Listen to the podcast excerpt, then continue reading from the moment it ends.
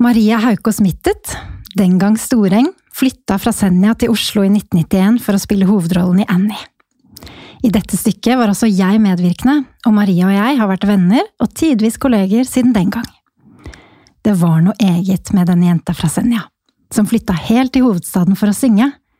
Hun hadde en umiskjennelig kraftfull og vakker stemme, og en utstråling som få, og hele Norge lot merke til den talentfulle jenta fra nord. Maria har, siden rollen som Annie, gjort flere store ting på scenen, og det vi kanskje husker aller best, er seieren i Stjernekamp i 2015.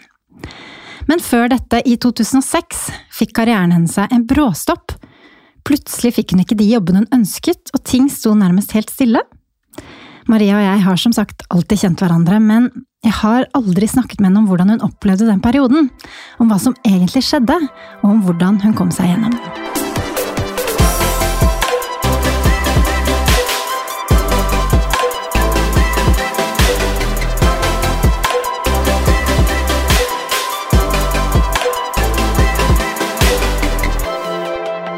Velkommen, Maria. Tusen takk. Så hyggelig å ha deg med. Veldig hyggelig å være her. Godt å se deg igjen. I like måte. Ja, for jeg nevnte jo innledningsvis at vi har kjent hverandre veldig lenge. Mm. Så jeg har jo fulgt litt ekstra godt med på deg opp gjennom årene. Men det er noe annet å intervjue noen. Mm. Da kan man på sett og vis spørre om helt andre ting enn man gjør Ja, på vi sitter jo ikke og intervjuer hverandre når man snakker Nei, man gjør jo ikke det. Og hvor ofte er det man spør ut venninner eh, og liksom har formulert og tenkt gjennom et spørsmål? Nei, det, det er vel kanskje aldri. Det er bare litt spontant. Det er akkurat det. Ja. Så jeg gleder meg til å bli kjent med deg på en litt annen måte i denne Ja, vi jeg blir kanskje litt kjent med meg sjøl òg. Mm, Hvem Hvem vet? vet? Ja. Men du, jeg tenkte bare å høre med deg aller først om, eh, om dette året vi har vært igjennom. Ja. Det har jo vært veldig spesielt for alle. ja. Så tenkte jeg på deg, da. Mm. Eh, Du og mannen din Hans Marius lever jo av å stå på scenen. Mm. Hvordan har dette påvirket dere? Eh, det har Altså eh, Jeg syns det har gått faktisk ganske bra.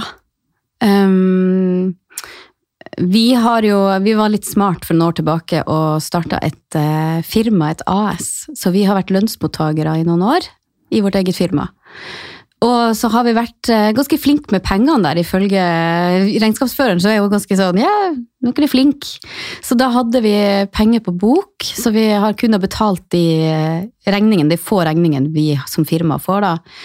Eh, Og så har vi kunnet vært på, på Nav og tatt ut dagpenger og sånn. Så sånn sett økonomi, økonomisk så har det gått helt, helt fint. Vi har holdt båten flytende. For eh, vanligvis når man er frilanser og har, eh, er selvstendig næringsdrivende, så er det vanskelig å holde seg flytende i sånne situasjoner, tenker jeg. Stoppet jobbene helt opp? Ja, det gjorde de jo. Alt ble jo avlyst. Hans Marius eh, skal ha premiere eh, førstkommende fredag på den forestillinga han var i, Så som i himmelen. Og da har ikke han vært på scenen siden 12. mars. Tenk det. Ja, det er helt fjernt. Men vi var jo faktisk på et juleturné, så nå lyver jeg jo litt, da. Men, men det var nå en veldig veldig merkelig juleturné òg. Men jeg Ja, føler hvordan gjorde dere det, da? Nei, da var det jo bare å eh, Altså, eh, det var ekstremt mange avlyste kirker, da. Eller kirkekonserter. Og så var det veldig rart å stå og synge for 20 pers eh, i Bergen, eksempel. Alle bergenskirken tok bare 20, og så var det en som toppa det hele med fem. Og det var-. Ja, det var Molde, men det var også en liten sånn hiccup fra, fra billettsalget. Der det var kommunisert litt feil, så Å ja. Skulle egentlig være 20, og så ble det 5? Ja, eller det skulle være 50. Ja, men da fikk de seg en liten intimkonsert, da. Ja. Og så var det 10 i Drammen, og ellers så var det liksom 50, da. Ja. Og vi var forespeila før, eh, eller under sommeren så var vi forespeila 200 pers, så vi var gira på noe helt annet. Men eh, altså, det er som det er. Vi må bare ta én dag av gangen. Og det har jo også vært sånn i familiesituasjonen òg. Vi tar én dag av gangen. Vi har kommet nærmere hverandre alle sammen. Vi har krangla mer, selvfølgelig, men da kommer man også nært. Mhm. Eh, og jeg føler meg egentlig ganske heldig, da, som har små barn akkurat i denne, i denne perioden her. Fordi eh, Og at jeg har en partner, eh, og jeg har et hus og et hjem. Fordi eh, da på en måte fikk dagene en flyt allikevel, selv om det alt var nedstengt i en periode, og vi, var, vi visste ingenting og vi måtte holde oss hjemme. Mm. Um, så fikk de på en måte, vi prøvde å lage rutiner, vi laga liksom sånne lister og sånne ting for barna. og liksom prøvde så godt vi kunne med det vi kunne tilby, da. Um, og eh, så har vi jo lært mye. Vi har lært verdien av alle disse funksjonene i samfunnet som er så sårt trengt, da. Blant annet barnehage og skole, hvor ekstremt viktig det er for alle. Ja, det er helt sikkert. Mm. Både foreldre og barn. Og man lærer også å sette veldig pris på det å bo i Norge, ja. Ja, det kan du også si. At man ser, Ser ser verden på en helt ny måte. Og ser, og vi kan bare sitte og takke det uendelige for at vi har et sånt system som vi har. Selv om selvfølgelig noen detter utafor. Det vil alltid være det. Men, eh, men bermen på en måte holder seg flytende. Definitivt. Mm.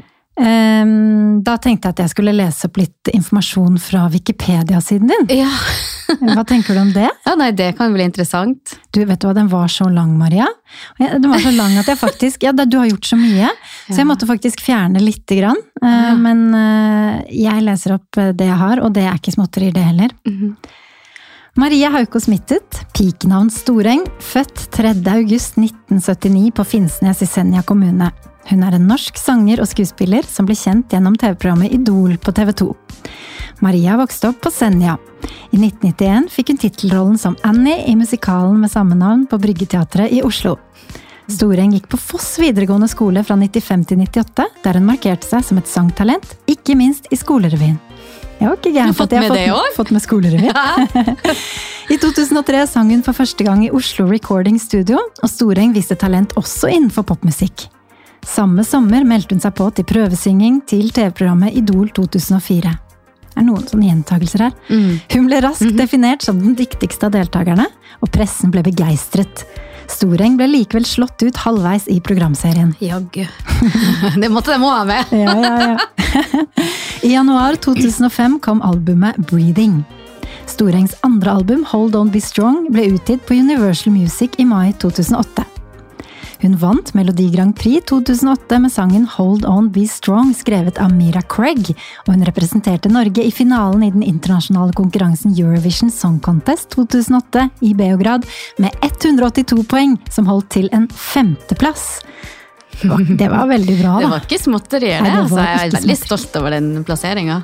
Helt fantastisk. Men såpass spesiell låt, da, med tanke på konkurransen og hva ellers som, som er der, da. det må ha vært en fantastisk opplevelse. Det er litt rart, for jeg klarte ikke å ta det helt inn, liksom.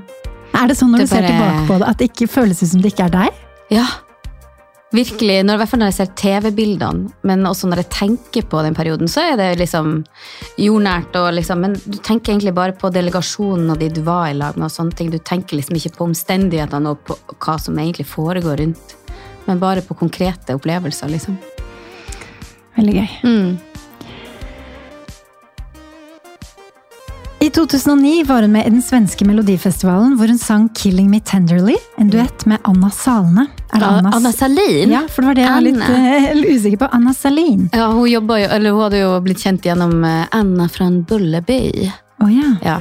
Men så gøy at du, var med, ja, at du var med i den svenske melodifestivalen. Det er også veldig stas. Mm. Duoen endte på nest sisteplass i delfinalen. Jumbo Men det, jeg syns ikke det er herlighet. Altså Jahn i delfinalen. delfinalen. Jeg sier bare Jahn Teigen, jeg. Så det Ja, ja. I januar 2010 var Og han er en legende. Altså. Men han, han, han vant jo i hvert fall i sitt eget land. Ja, Vi kom sant. ikke videre fra delfinalen i Malmö engang. Men vet du hva? Jeg syns det er en meritt. Ja. I januar 2010 var Mittet igjen med som deltaker i Norsk Melodi Grand Prix. Hun gikk direkte til finalen med låten Make My Day. Veldig bra. I juni 2010 giftet hun seg med Hans Marius Hoff Mittet.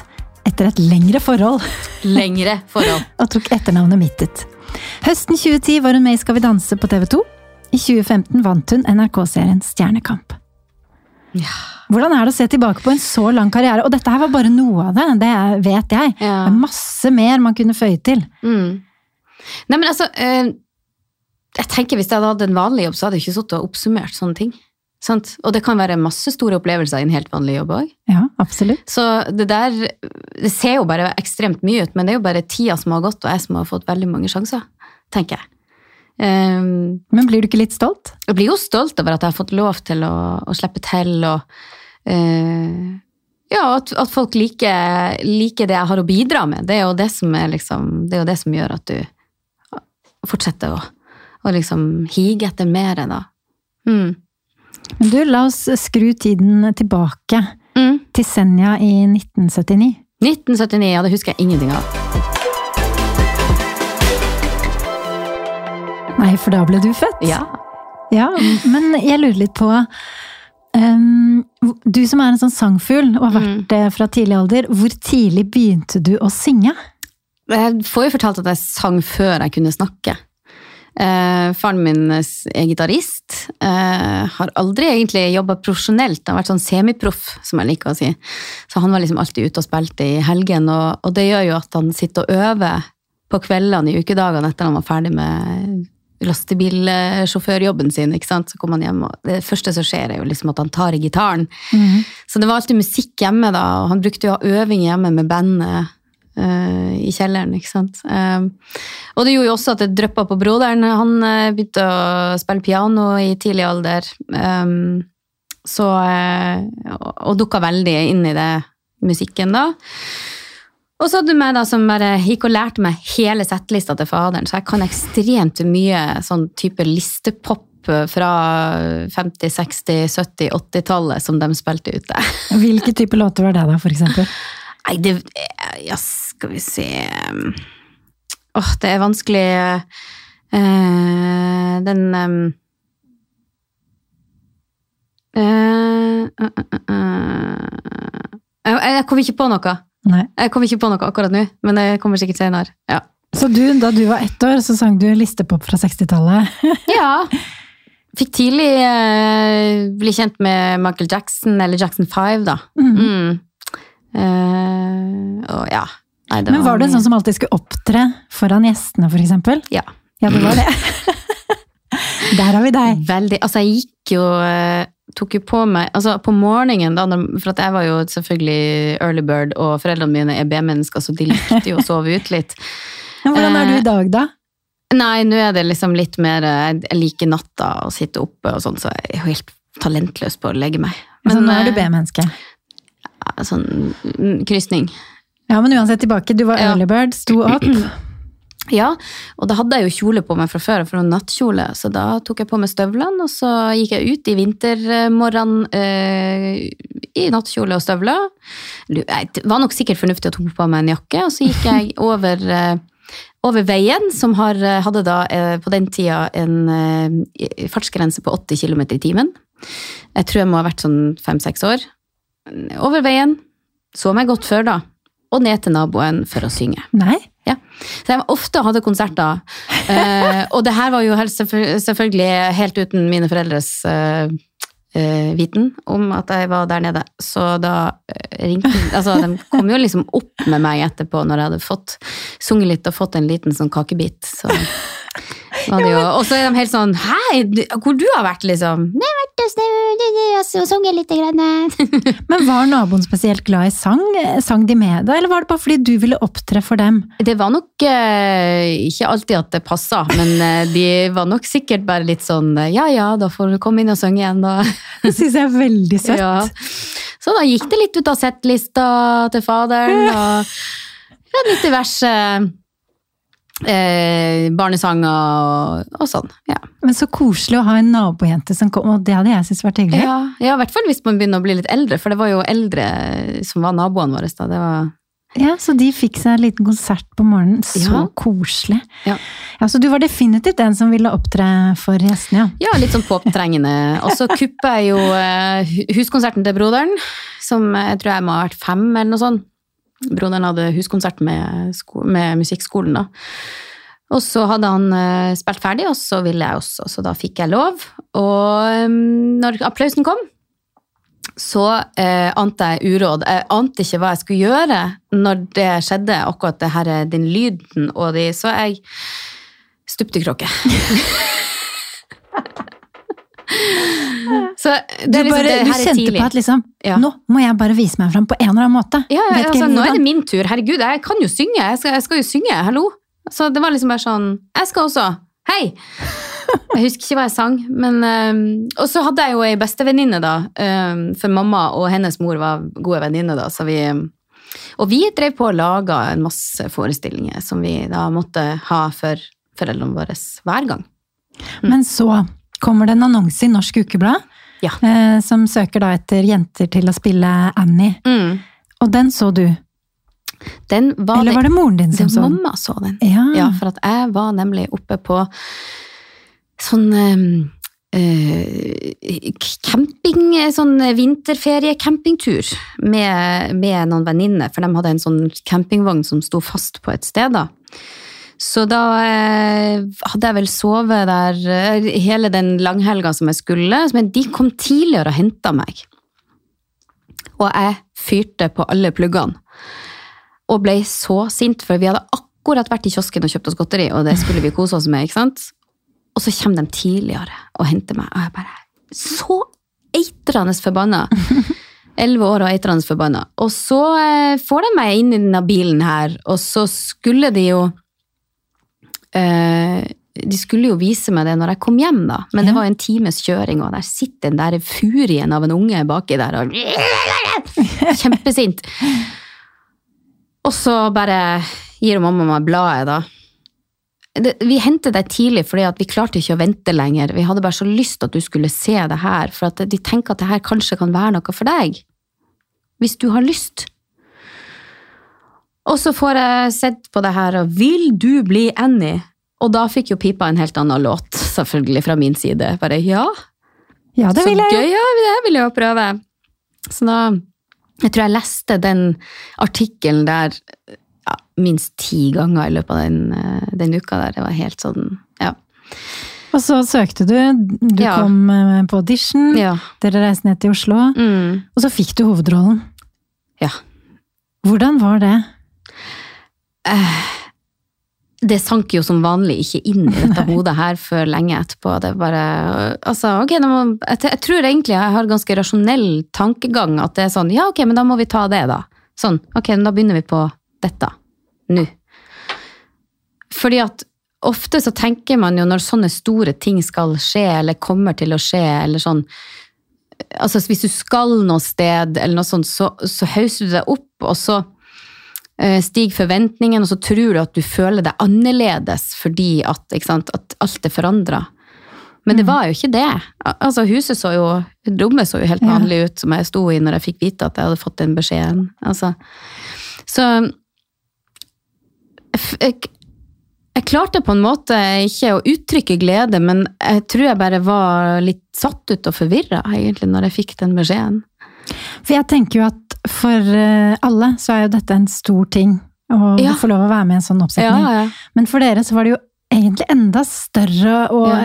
enda sånn eh, større omveltning. Dere Ja. måtte jo flytte helt til Oslo, og Ja. hele familien måtte eventuelt bli med. ja. Hvordan var den prosessen for familien? Eh, Hvordan diskuterte dere i forhold til å komme fram til denne avgjørelsen? Jeg tror de hadde diskutert den helga visst om at eh, det skulle skje.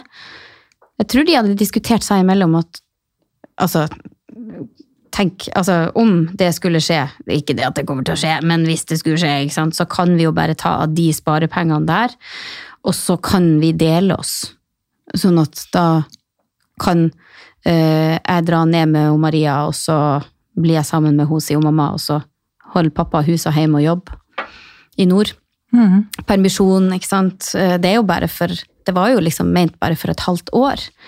Men så ble det jo lengre spilletid, så da Ja, det ble vel to år eller noe sånt til sammen? Ja, nei, jeg spilte jo bare det ene året.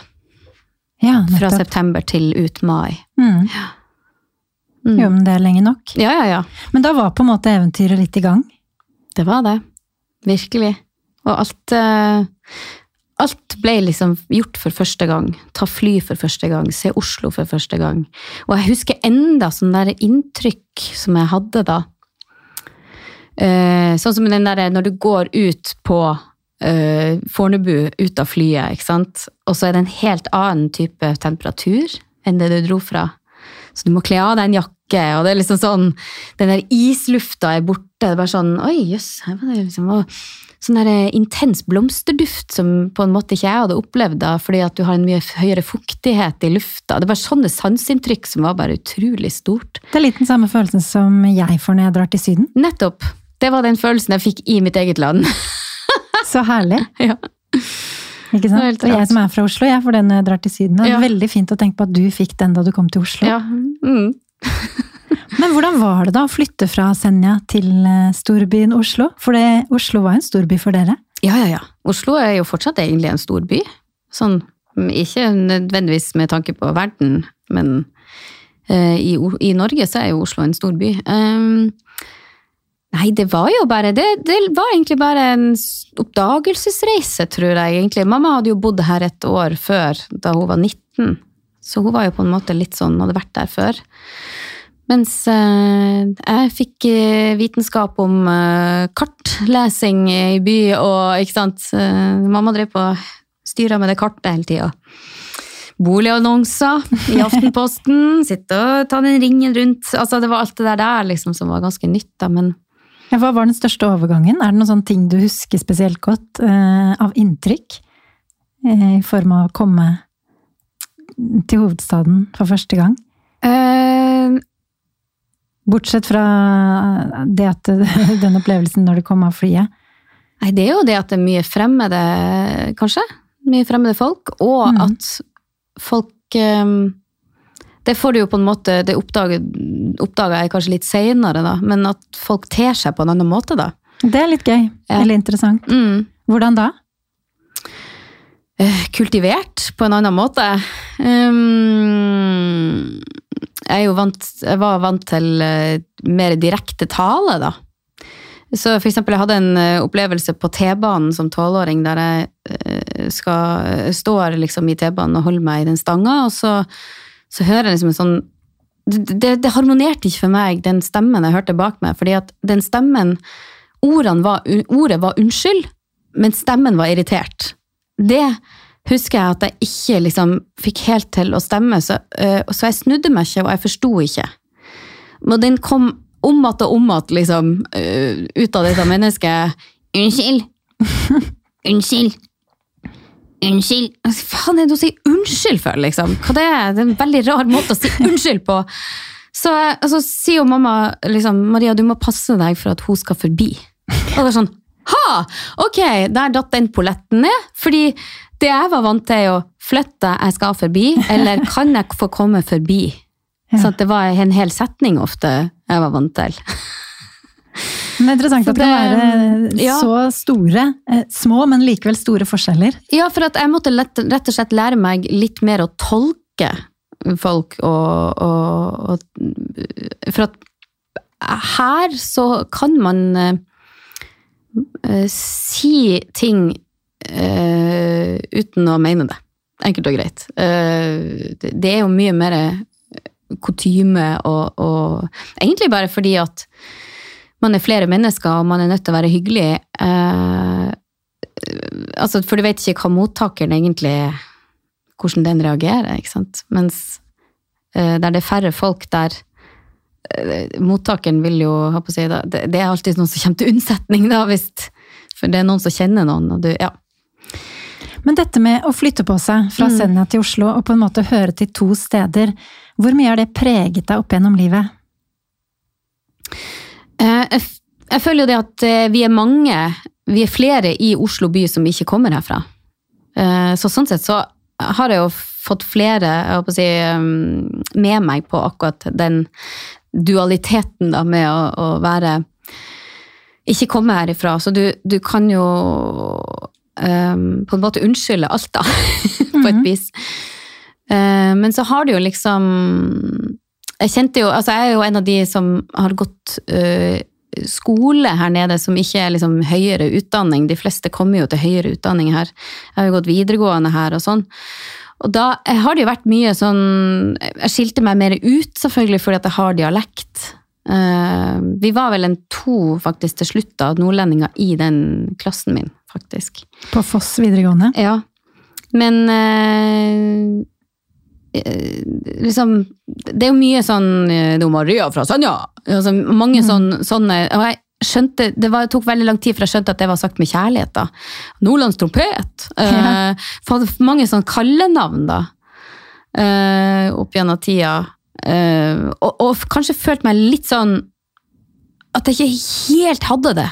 Altså sånn, du, du kom deg ikke helt innafor fordi at du klarte ikke å liksom, få samme flyten i, i språket. da.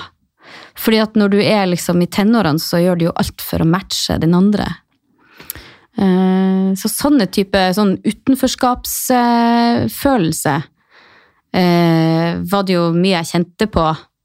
Nå ble jeg veldig nysgjerrig, fordi vi har jo alltid kjent hverandre, Mm. og jeg er fra Oslo. Mm, Og, og jeg var jo en del av da ditt liv ganske tidlig. mm. Hvordan opplevde du meg? Var jeg en sånn brautende Oslo-jente? Nei, men du, altså Vi kjente jo hverandre såpass godt at der, der på en måte kunne du jo dra strikken ganske langt, og det var jo helt, helt kurant, for jeg visste jo hva du følte og tenkte om meg. Ja. Jeg hadde en følelse av ikke sant? Det kommer jo an på liksom hva, hva slags følelse vennen gir deg, da. Så jeg var jo ikke i utenforskap med deg. Nei, det er godt Men allikevel, det er liksom noe med det, den større bermen, da. Ja. Den større kretsen rundt deg. At du på en måte Du er innafor, men ikke helt innafor. Men det ligger kanskje mer hos deg òg, da. Hos deg sjøl. Den følelsen. Og den følelsen hadde jeg jo på en måte i Nord-Norge òg fra før altså Så det har liksom vært med meg den der eh, litt sånn, litt sånn ensomme Jeg driver på med min greie. Fordi at eh, der jeg vokste opp, eh, på eh, Silsand, Senja, så var det veldig sportsprega. Og ikke så mye musikk. Så musikken tilhørte på en måte kirken og litt sånn. I hvert fall der det var miljø å henge i sånn musikkmessig, da. Eh, og med det at jeg hadde den driven og det ønsket om å gjøre, om å leve av det. Og at jeg ikke klarte å stoppe å synge. ikke sant? Eh, Du har den derre brødlapa ved sida av deg hele tida som lager lyd. liksom. «Eh, Celine Dion, Mariah Carey Herlig! Sånn, Ja til brødlapen, sier jeg bare. Jeg fikk jo liksom uh, kommentarer. 'Maria, må du synge hele tida?' liksom. Uh, så derfor så, så følte jeg jo på det òg, at jeg skilte meg ut der oppe òg. Så det var liksom, uansett hvor jeg kom hen, så var jeg liksom aldri helt helt inne. Men ikke sant? hvor langt inn klarer du å komme, egentlig? Så det er sånne type ting jeg har sittet og grunna på i voksen alder. da. Og som da har blitt til et, et prosjekt, da. Hvorfor ville du lage musikk om dette? Ehm, det er vel egentlig for å kunne fortelle min historie og mine betraktninger da, på det å flytte på seg, og hva man eh, Altså hva man på en måte føler. For det er jo mange som flytter. Det er jo mange som lærer seg å Det er veldig lærerikt da, å flytte. Å kunne tre inn i nye miljøer og eh, tilegne seg nye eh, vennskap og, og sånne type ting, da. Eh, og ikke minst så lærer man jo masse om seg sjøl, da. Um, og jeg føler også egentlig nå, da, apropos det å lære mye om seg sjøl, jeg føler jo at jo eldre jeg blir, jo mindre kjenner jeg meg sjøl. Eller, ja. Jo mindre kjenner du det Ja, jeg føler egentlig det. Jeg oppdager nye ting, og eh, jeg vet ikke om det handler om at jeg kanskje ikke har vært i sånn kjempegod kontakt med mitt eget følelsesregister, eller hva det er for noe. For alt jeg har fått utløp liksom, i musikken, da, så har jeg ikke egentlig brukt det så mye i det daglige. Jeg aner ikke, men uh, Men det er jo sikkert noe i det du sier om at du Mm. oppdager da stadig nye ting med Mm. deg selv, mm. som gjør at oi, det Ja. er så mye mer her enn jeg, Ja, ja, enn jeg kanskje har kjent Ja, eller etter. hvorfor gjør jeg det, eller uh, hva, hva kjente jeg egentlig da, liksom? For det er veldig mange som er veldig bevisst på følelsene sine og hva de tenker, og mens jeg har bare, ja, kjør på, går så bra. Uh, liksom vært litt den typen der, og, og jeg har jo egentlig hegna litt om det òg, syns egentlig også at, at det er det er en ganske fin måte å, å komme seg videre på, da. Mm. Jeg har lyst til å snakke litt mer med deg om dette musikkprosjektet Ja. litt senere. Mm. Men først så har jeg lyst til å gå litt tilbake i tid. I 2004 var du jo deltaker i Idol. Ja. Men etter Idol fikk du plutselig ikke de samme jobbene lenger. Da hadde ballen rullet i mange år, så stopper alt litt opp. Mm. Hva var det egentlig som skjedde da? Ja. Eh, det som skjedde, var jo det at uh, Altså, uh, det var jo um, det, var, uh, det var en plan jeg hadde, da. Eh, det med å melde seg på Idol var jo fordi at jeg skulle komme inn i den platedelen av musikkbransjen. ikke sant? For at det var jo det jeg egentlig ønska å gjøre. da. I hvert fall på det tidspunktet, og egentlig nå òg. Bli popartist. Ja, fordi at jeg hadde begynt i musikal, og så tenkte jeg ja, men det går an å sjonglere mellom ting og tang og sånn. Eh, Men det, man ikke det jeg kanskje ikke hadde tatt høyde for, var jo at, at det er to forskjellige miljø, og det er mange altså, forskjellige måter å jobbe på. Eh, og at eh, Ja, i det hele tatt. Um, så da tok jeg liksom et valg, da. Om at eh, jeg skal melde meg på der, for da får jeg kanskje kontakter inn i platebransjen. Så da gjorde jeg det. Um, og det som er med sånne TV-konkurranser, er jo det at det er ingen som står og tar deg imot etterpå. Så jeg tenkte jo det at det, det er smart å være på For at jeg hadde allerede begynt å synge på demoer for eh, Oslo Recordings, da, som drev på eh, og, og laga låter og sendte ut i verden. Og det var også for å kunne få lov til å skrive litt også. Så etter hvert så fikk jeg lov å være med på skrivesessioner og sånne ting. Eh, så eh, da hadde jeg jo på en måte de, da. Men jeg hadde ingenting annet nettverk eller Jeg hadde ikke management, jeg hadde ikke bookingselskap. Jeg hadde ingenting som er faktisk noe en sånn type artist som jeg ønska å være, trenger. da. Så da eh, Det er jo sånne ting man lærer etter hvert, da. I hvert fall eh, Det var en bratt læringskurve etter Idol, da. På hva jeg egentlig trengte. Mhm. Så eh, Idol gikk jo fint. Jeg gikk ut, men jeg fikk fortsatt jobber etterpå i- og fikk lov til å gi ut eh, den plata gjennom Oslo Recordings, da, faktisk. Så de, eh, de hjalp meg veldig der. Og så hadde de ikke kapasitet til å liksom fortsette med meg. Og jeg eh, Vi ga ut den plata, og så hadde jeg liksom planer om å, å liksom virkelig finpusse uttrykket mitt, da.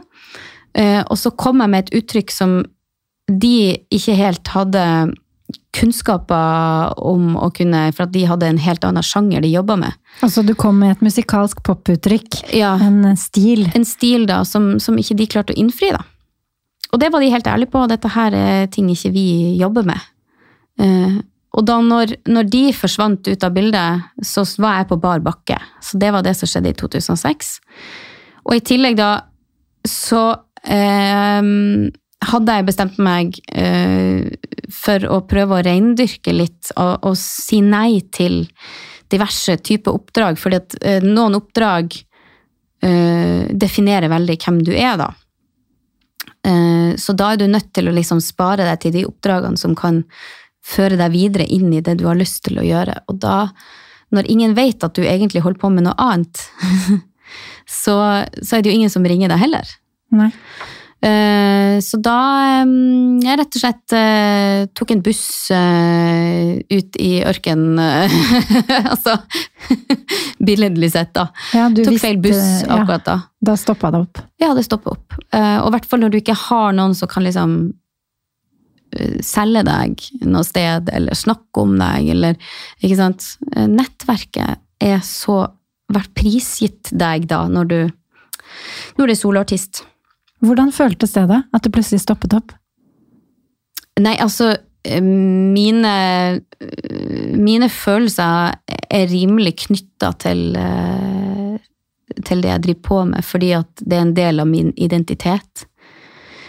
Uh, og og uh, det er jo mhm, det, er så, ja, det er så nært knytta at, at du føler at du ikke er deg sjøl lenger. Ikke sant? Eller at du Jeg, jeg mista egentlig meg sjøl litt. Jeg, eh, jeg prøvde jo, altså For å kunne betale den leiligheta som Hans Marius hadde kjøpt, så måtte jeg jo ha jobb. Så da eh, Jeg var litt på Nav, men jeg jobba også på Sats, da. Så jeg begynte med det.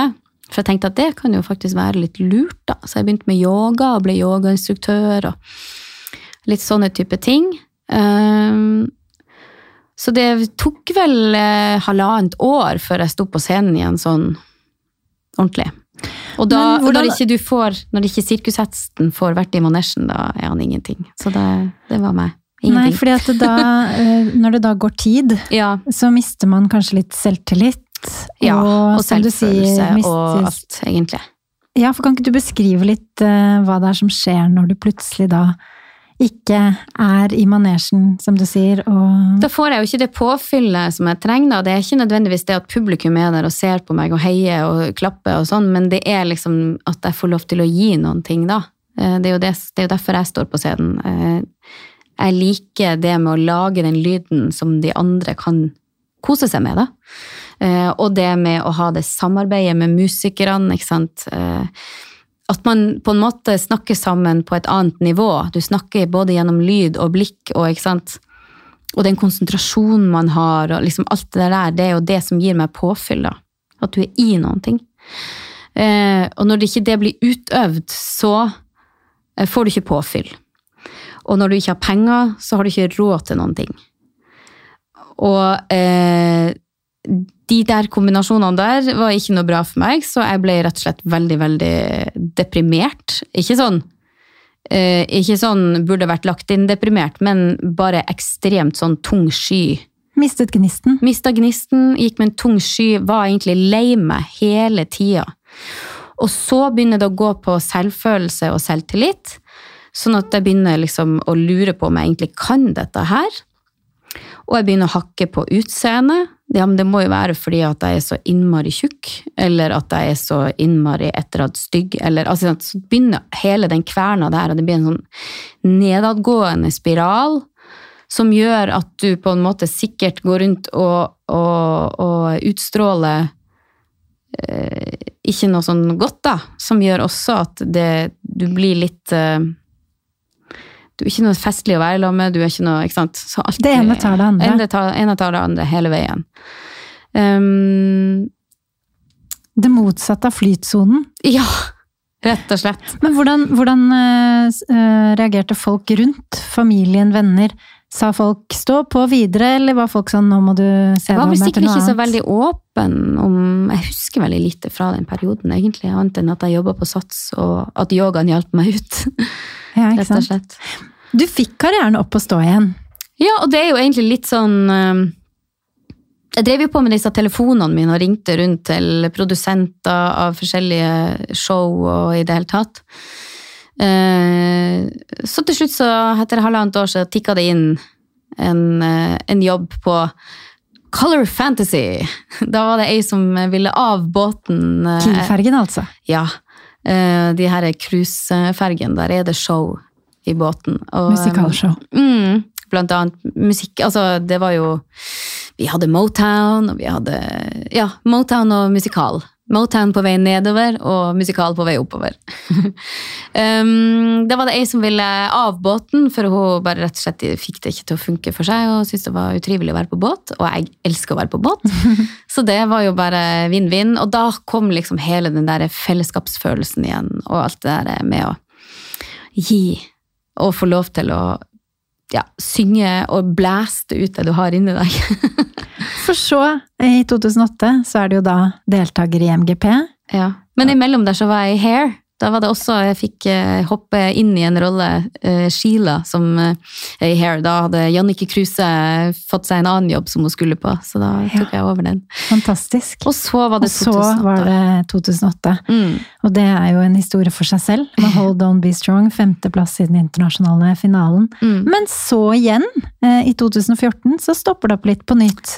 Ja. Hva skjedde da, egentlig? Nei, det var jo egentlig litt uh, Ikke samme greia. Uh, da var det rett og slett at um, I 2012 så ble jeg gravid med første, første sønn. Mm. Og, ha, eh, så er det jo mammaperm i 2013 når han var født og sånn. Og i mellomtida der så takka manageren som jeg hadde da, for seg. Og så Idet du fikk barn? ja, eller rett før da, faktisk, for at uh, hun fikk en helt sånn psyko-bra jobb som hun ikke kunne uh, si fra seg, og um, som gjorde at hun var inhabil hvis hun skulle ha artister i en stall, Ja. som et management. Så da eh, var det igjen på bar bakke, rett og slett, med kontaktnett og sånne ting. Hun gjorde alt hun kunne liksom, for at ting skulle gå fint i etterkant. Eh, og da hadde vi begynt å liksom så litt frø da, i forhold til det nordnorske repertoaret jeg driver på med nå. Um, så det var påbegynt. Uh, men hun liksom bare måtte slippe det på et eller annet tidspunkt, så må du jo slippe artisten din. Mm. Og jeg sto uten manager under um, hele mammapermen, og så sto det der prosjektet på stedet hvil med heimplater. Men Hvordan var det å være i mammaperm og da kjenne på litt eh, sånn usikkerhet igjen? Eh, Det, det skjøv jeg egentlig bare bort. Jeg måtte bare ta den når mammapermen var over, liksom, Ja. kjente jeg. Um, Men da mammapermen da var over, så var det litt sånn ok, da Hvor skal vi starte? Ja. Da um, fikk jeg et management som uh, har, uh, har kontorene sine i Bergen. Og de er veldig sånn bergensbasert. De er veldig dyktige. Men eh, rett og slett, vi bare dro i forskjellige retninger. Jeg ville en vei, og de ville en annen vei. Så de, de måtte jeg bare takke, takke av, og takke for samarbeidet. Eh, så de hadde jeg vel i et par år. Eh, og så kom Stjernekamp, da, rett og slett. Og Stjernekamp ble jo på mange måter vendepunktet for deg i denne perioden, da. Ja, rett og slett. Der kom det TV-show. Hva skjer etter du vinner Stjernekamp? Nei, da fødte jeg jo sønn nummer to. Først og fremst. ja, først og fremst. For du var gravid underveis. Ja, jeg var det. Jeg var ekstremt uggen og kvalm i starten der på Stjernekamp. Men akkurat lørdagene, der var alt helt saft suse bra. Ja, det er rart utrolig. Ja, men det er jo bare den psyken, ikke sant. Men hvor stor er forskjellen på den Maria som gikk inn i Stjernekamp, og den Maria som gikk ut derfra? Ja, si det. Jeg tror jeg vet ikke om det er så veldig med forskjell. Sånn, jo, altså det, bygde seg så opp. Det var så organisk på en måte, den Stjernekamp-opplevelsen, fordi at eh, det er uke til uke. Sant? Så da blir det liksom bare trinnvis. At alt uh, vokste. Men altså, det vokser jo veldig mye med, med det at du vet at det kommer noe også. Så da, allerede da hadde jo jeg fått boost med at jeg hadde fått spørsmål om å være med, og liksom, ok, så kommer den der pressedagen, og så kommer, ikke sant, og så må du vente en god stund, men da sitter du og forbereder deg, ikke sant? så lenge du har noe å liksom holde på med da. Da fikk du fot. Da fikk jeg fot, jaggu. Ja, var det sånn Da du fikk forespørselen i Stjerne- Stjernekamp, klarte du å se for deg hvor mye det kunne komme til å bety? Hvor stort det kunne komme til å bli, som det faktisk ble? da? At du gikk hele veien, og at det ga deg så mye? Eh, nei, jeg tør aldri å tenke så veldig langt, i tilfelle jeg blir skuffa. Rett og slett. Så eh, jeg tok ut, uke for uke, og liksom med, med høyde for at eh, jeg kan ryke ut denne lørdagen her. Det er like nervepirrende hver eneste gang, liksom. Ja. Så, Men det gjorde du ikke. Nei, jeg gjorde ikke det. Jeg sto med trofeet til slutt i gullkjole. Ha-ha! Ja, Veldig, veldig gøy. Mm. Vi har snakket litt om ditt musikkprosjekt i disse dager, som handler om eh, dine opplevelser av å være både en byjente og en øyjente fra et sted langt nord. Mm. De siste årene så har du også samarbeidet tett med Lars Bremnes, som Mm. også er nordfra. Og du har da i, i større grad rendyrket dette norske vise- og singer-songwriter-landskapet. Og det Mm. har du gjort med stort hell. Hvor mye av dine egne drømmer og prosjekter har du da måttet forsake for å rendyrke denne retningen så mye som du har gjort? Nei, det her er jo liksom hovedprosjektet, så jeg har vel ikke hatt så veldig mange andre prosjekt liksom i, i hodet. Nei, fordi jeg føler at etter å ha fulgt deg gjennom Ja. hele karrieren, så har du jo nå på en måte tatt et valg i forhold til retning. Mm. Og du har lagt litt vekk eh, dette pop-segmentet. Mm. Eh, har du måttet konsentrere deg og blitt enig med deg selv for å gå så tydelig inn i en retning? Vet du, det var eh, Nei, jeg måtte ikke det, fordi at det var bare sto så tydelig for meg at det var det jeg skulle. Fordi det var en åpenbaring, egentlig, det med å begynne med nordnorske materiale. For det startet jo med Heim-plata. Ja, eller det starta faktisk med Oslo Gospelkor, den juleplata i 2011. Med å synge på norsk. Ja, synge på nordnorsk, nordnorsk. ikke minst. um, det, det var et eller annet som skjedde i meg, da, og plutselig så har du på en måte en helt annen kontakt med både deg sjøl og med publikum. Og plutselig hadde jeg ekstremt mye mer å snakke om mellom låtene. Um, så det var, det var bare plutselig en helt sånn En ny person, da, rett og slett, for, for det jeg driver på med. Så det var bare en sånn What? Selvfølgelig er det det her jeg skal gjøre. Og jeg får brukt på en måte de verktøyene jeg har fått med meg fra teaterverden, med formidling på en helt annen måte. Eh, og mottakeren forstår hvert eneste ord. Det er ikke det at, ikke de, at mottakeren forstår engelsk, men det er ikke hovedspråket vårt. Så derfor så forsvinner ekstremt mange nyanser da, når du, når du synger på engelsk. Mens på norsk så er det bare Ja. Det er noe helt eget opplever du, opplever du å komme tettere på ja, publikummet, på eh, lytteren? Tilbakemeldingen fra publikummet er så helt annerledes. De er mer inderlige, på en måte, nå enn det de har vært før. Før så har det vært Det er ikke det, det er ikke dumt, det, å få komplimenter på på vokalen min, at jeg synger liksom fint, og du synger høyt og sterkt og alt det her, men, men akkurat det der eh, med at uh, når, når, jeg får lov til å bruke ordene, da, og, og lage en liten historie i, i tre minutter, så, så blir tilbakemeldingen bare så sykt mye mer inderlig. Og det er så stort for meg. Mm. Ja, for dette med å jobbe med tekst har du jo da brukt mye tid på den siste tiden, eller de siste årene, ja. på en annen måte, sammen med Lars Bremnes blant annet. Ja. Og jeg har jo hørt på den låta som er ute nå, 'Øya di'. Mm. Veldig nydelig låt. Takk. Den handler jo om både altså Kan ikke du forklare litt om hva den handler om? Så trenger ikke jeg å si det, egentlig. fordi den ja, har litt, vært sånn, litt interessant å høre hva du hører. Nei, men jeg har bare tenkt at den handler om både det med å på en måte være fra en øy, ja. men også eh, at eh, man sitter litt på hver sin øy i hverdagslivet. Kanskje med den du er mm. sammen med, eller den du har rundt deg. Ja. Og at man burde stoppe opp og tenke bør vi kanskje hoppe over til eh, samme øy noen ganger? Og ikke mm. bare sitte på hver sin øy? Ja, det er jo litt sånn eh, med at tida bare går, og at man uten at man kanskje merker det, kan finne på å skli fra hverandre. Eh, I et forhold, for eksempel. Og så har vi påvirkninger av skjermer og sånne type ting som bare sier kom, kom hit, kom hit, kom hit, kom hit og videre, videre, videre. ikke sant? Du bare driver på å jobbe inn i den virtuelle verden, ikke sant. Så da kjennes det jo på en måte av og til som at man sitter på hver sin øye og driver på med sine egne ting. Men det kunne man sikkert ha gjort på 80-tallet òg, ikke sant. Mm. Absolutt. Men hvordan er det med deg og Hans Marius, da? Er det, er det mye hver, hver sin øy?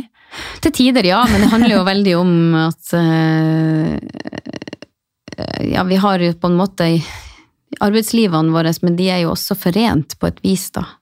Mye mer enn kanskje mange andre har, som har helt totalt forskjellige jobber. Så vi kan jo faktisk snakke og forstå hverandre innafor det, men allikevel så Plutselig så ser du han gå rundt i huset og bare mumle for seg sjøl, og da driver han på å jobbe tekst, ikke sant. Altså og jeg driver på med, jeg har sånn eh, silence piano, så jeg sitter liksom med headphones og li, Ja, så dere er på hver deres øy, samtidig mm. som dere egentlig er litt på samme øy også? Ja. Mm. Men det, man kan jo også være på forskjellige øyer med tanke på opplevelsene i, i et forhold og hva den ene snakker altså, Eller det var to planeter, egentlig, men vi bare kan putte det ned til en øy. Mm. I stedet at man snakker forskjellige språk. Snakker forbi hverandre. Nå er pandemien i sluttfasen, heldigvis. Mm. Og du skal ut på veien og spille i sommer, så nå kan endelig folk få høre deg. Hvordan blir det å dra ut og få lov å gjøre litt flere spillejobber fremover? Åh, jeg tror det blir euforisk. Ja. Det er helt magisk det med å komme til en eh, venue, som vi kaller for et sted der vi skal spille. Og begynne å pakke ut disse her Du bærer tungt inn, i, eh, inn på scenen, ikke sant? og så begynner du å pakke ut. Og så er det å finne liksom, garderobe eller hotellrom. Og så begynne å henge opp kjoler. Liksom, altså, alt er helt magisk. Alt, alle de forberedelsene eh, liksom, det setter deg på en måte i stemning til det du skal gjøre. Og så ja, så er det liksom middag, koselig middag, så man sitter og skravler litt og ja, liksom om kanskje ting man skal finne på eller må rette på, eller sånne type ting. Eller så kan vi snakke om dagligdagse ting. Unger og skrik og skrål. Jeg tror vi mennesker definitivt trenger å ha kultur og ha arenaer hvor vi kan gå ut og treffe folk og høre musikk. Det er, det, jeg tror folk har forstått, eh, i hvert fall de som har benytta seg av sånne type tilbud og føler at de trenger det, eh, at de har forstått hvor mye det betyr for dem nå som det har vært stengt. Mm. Maria, det har vært veldig hyggelig å ha deg med. Det har vært veldig, veldig hyggelig å være her. Lykke til videre. Tusen takk i like måte. Takk skal du ha.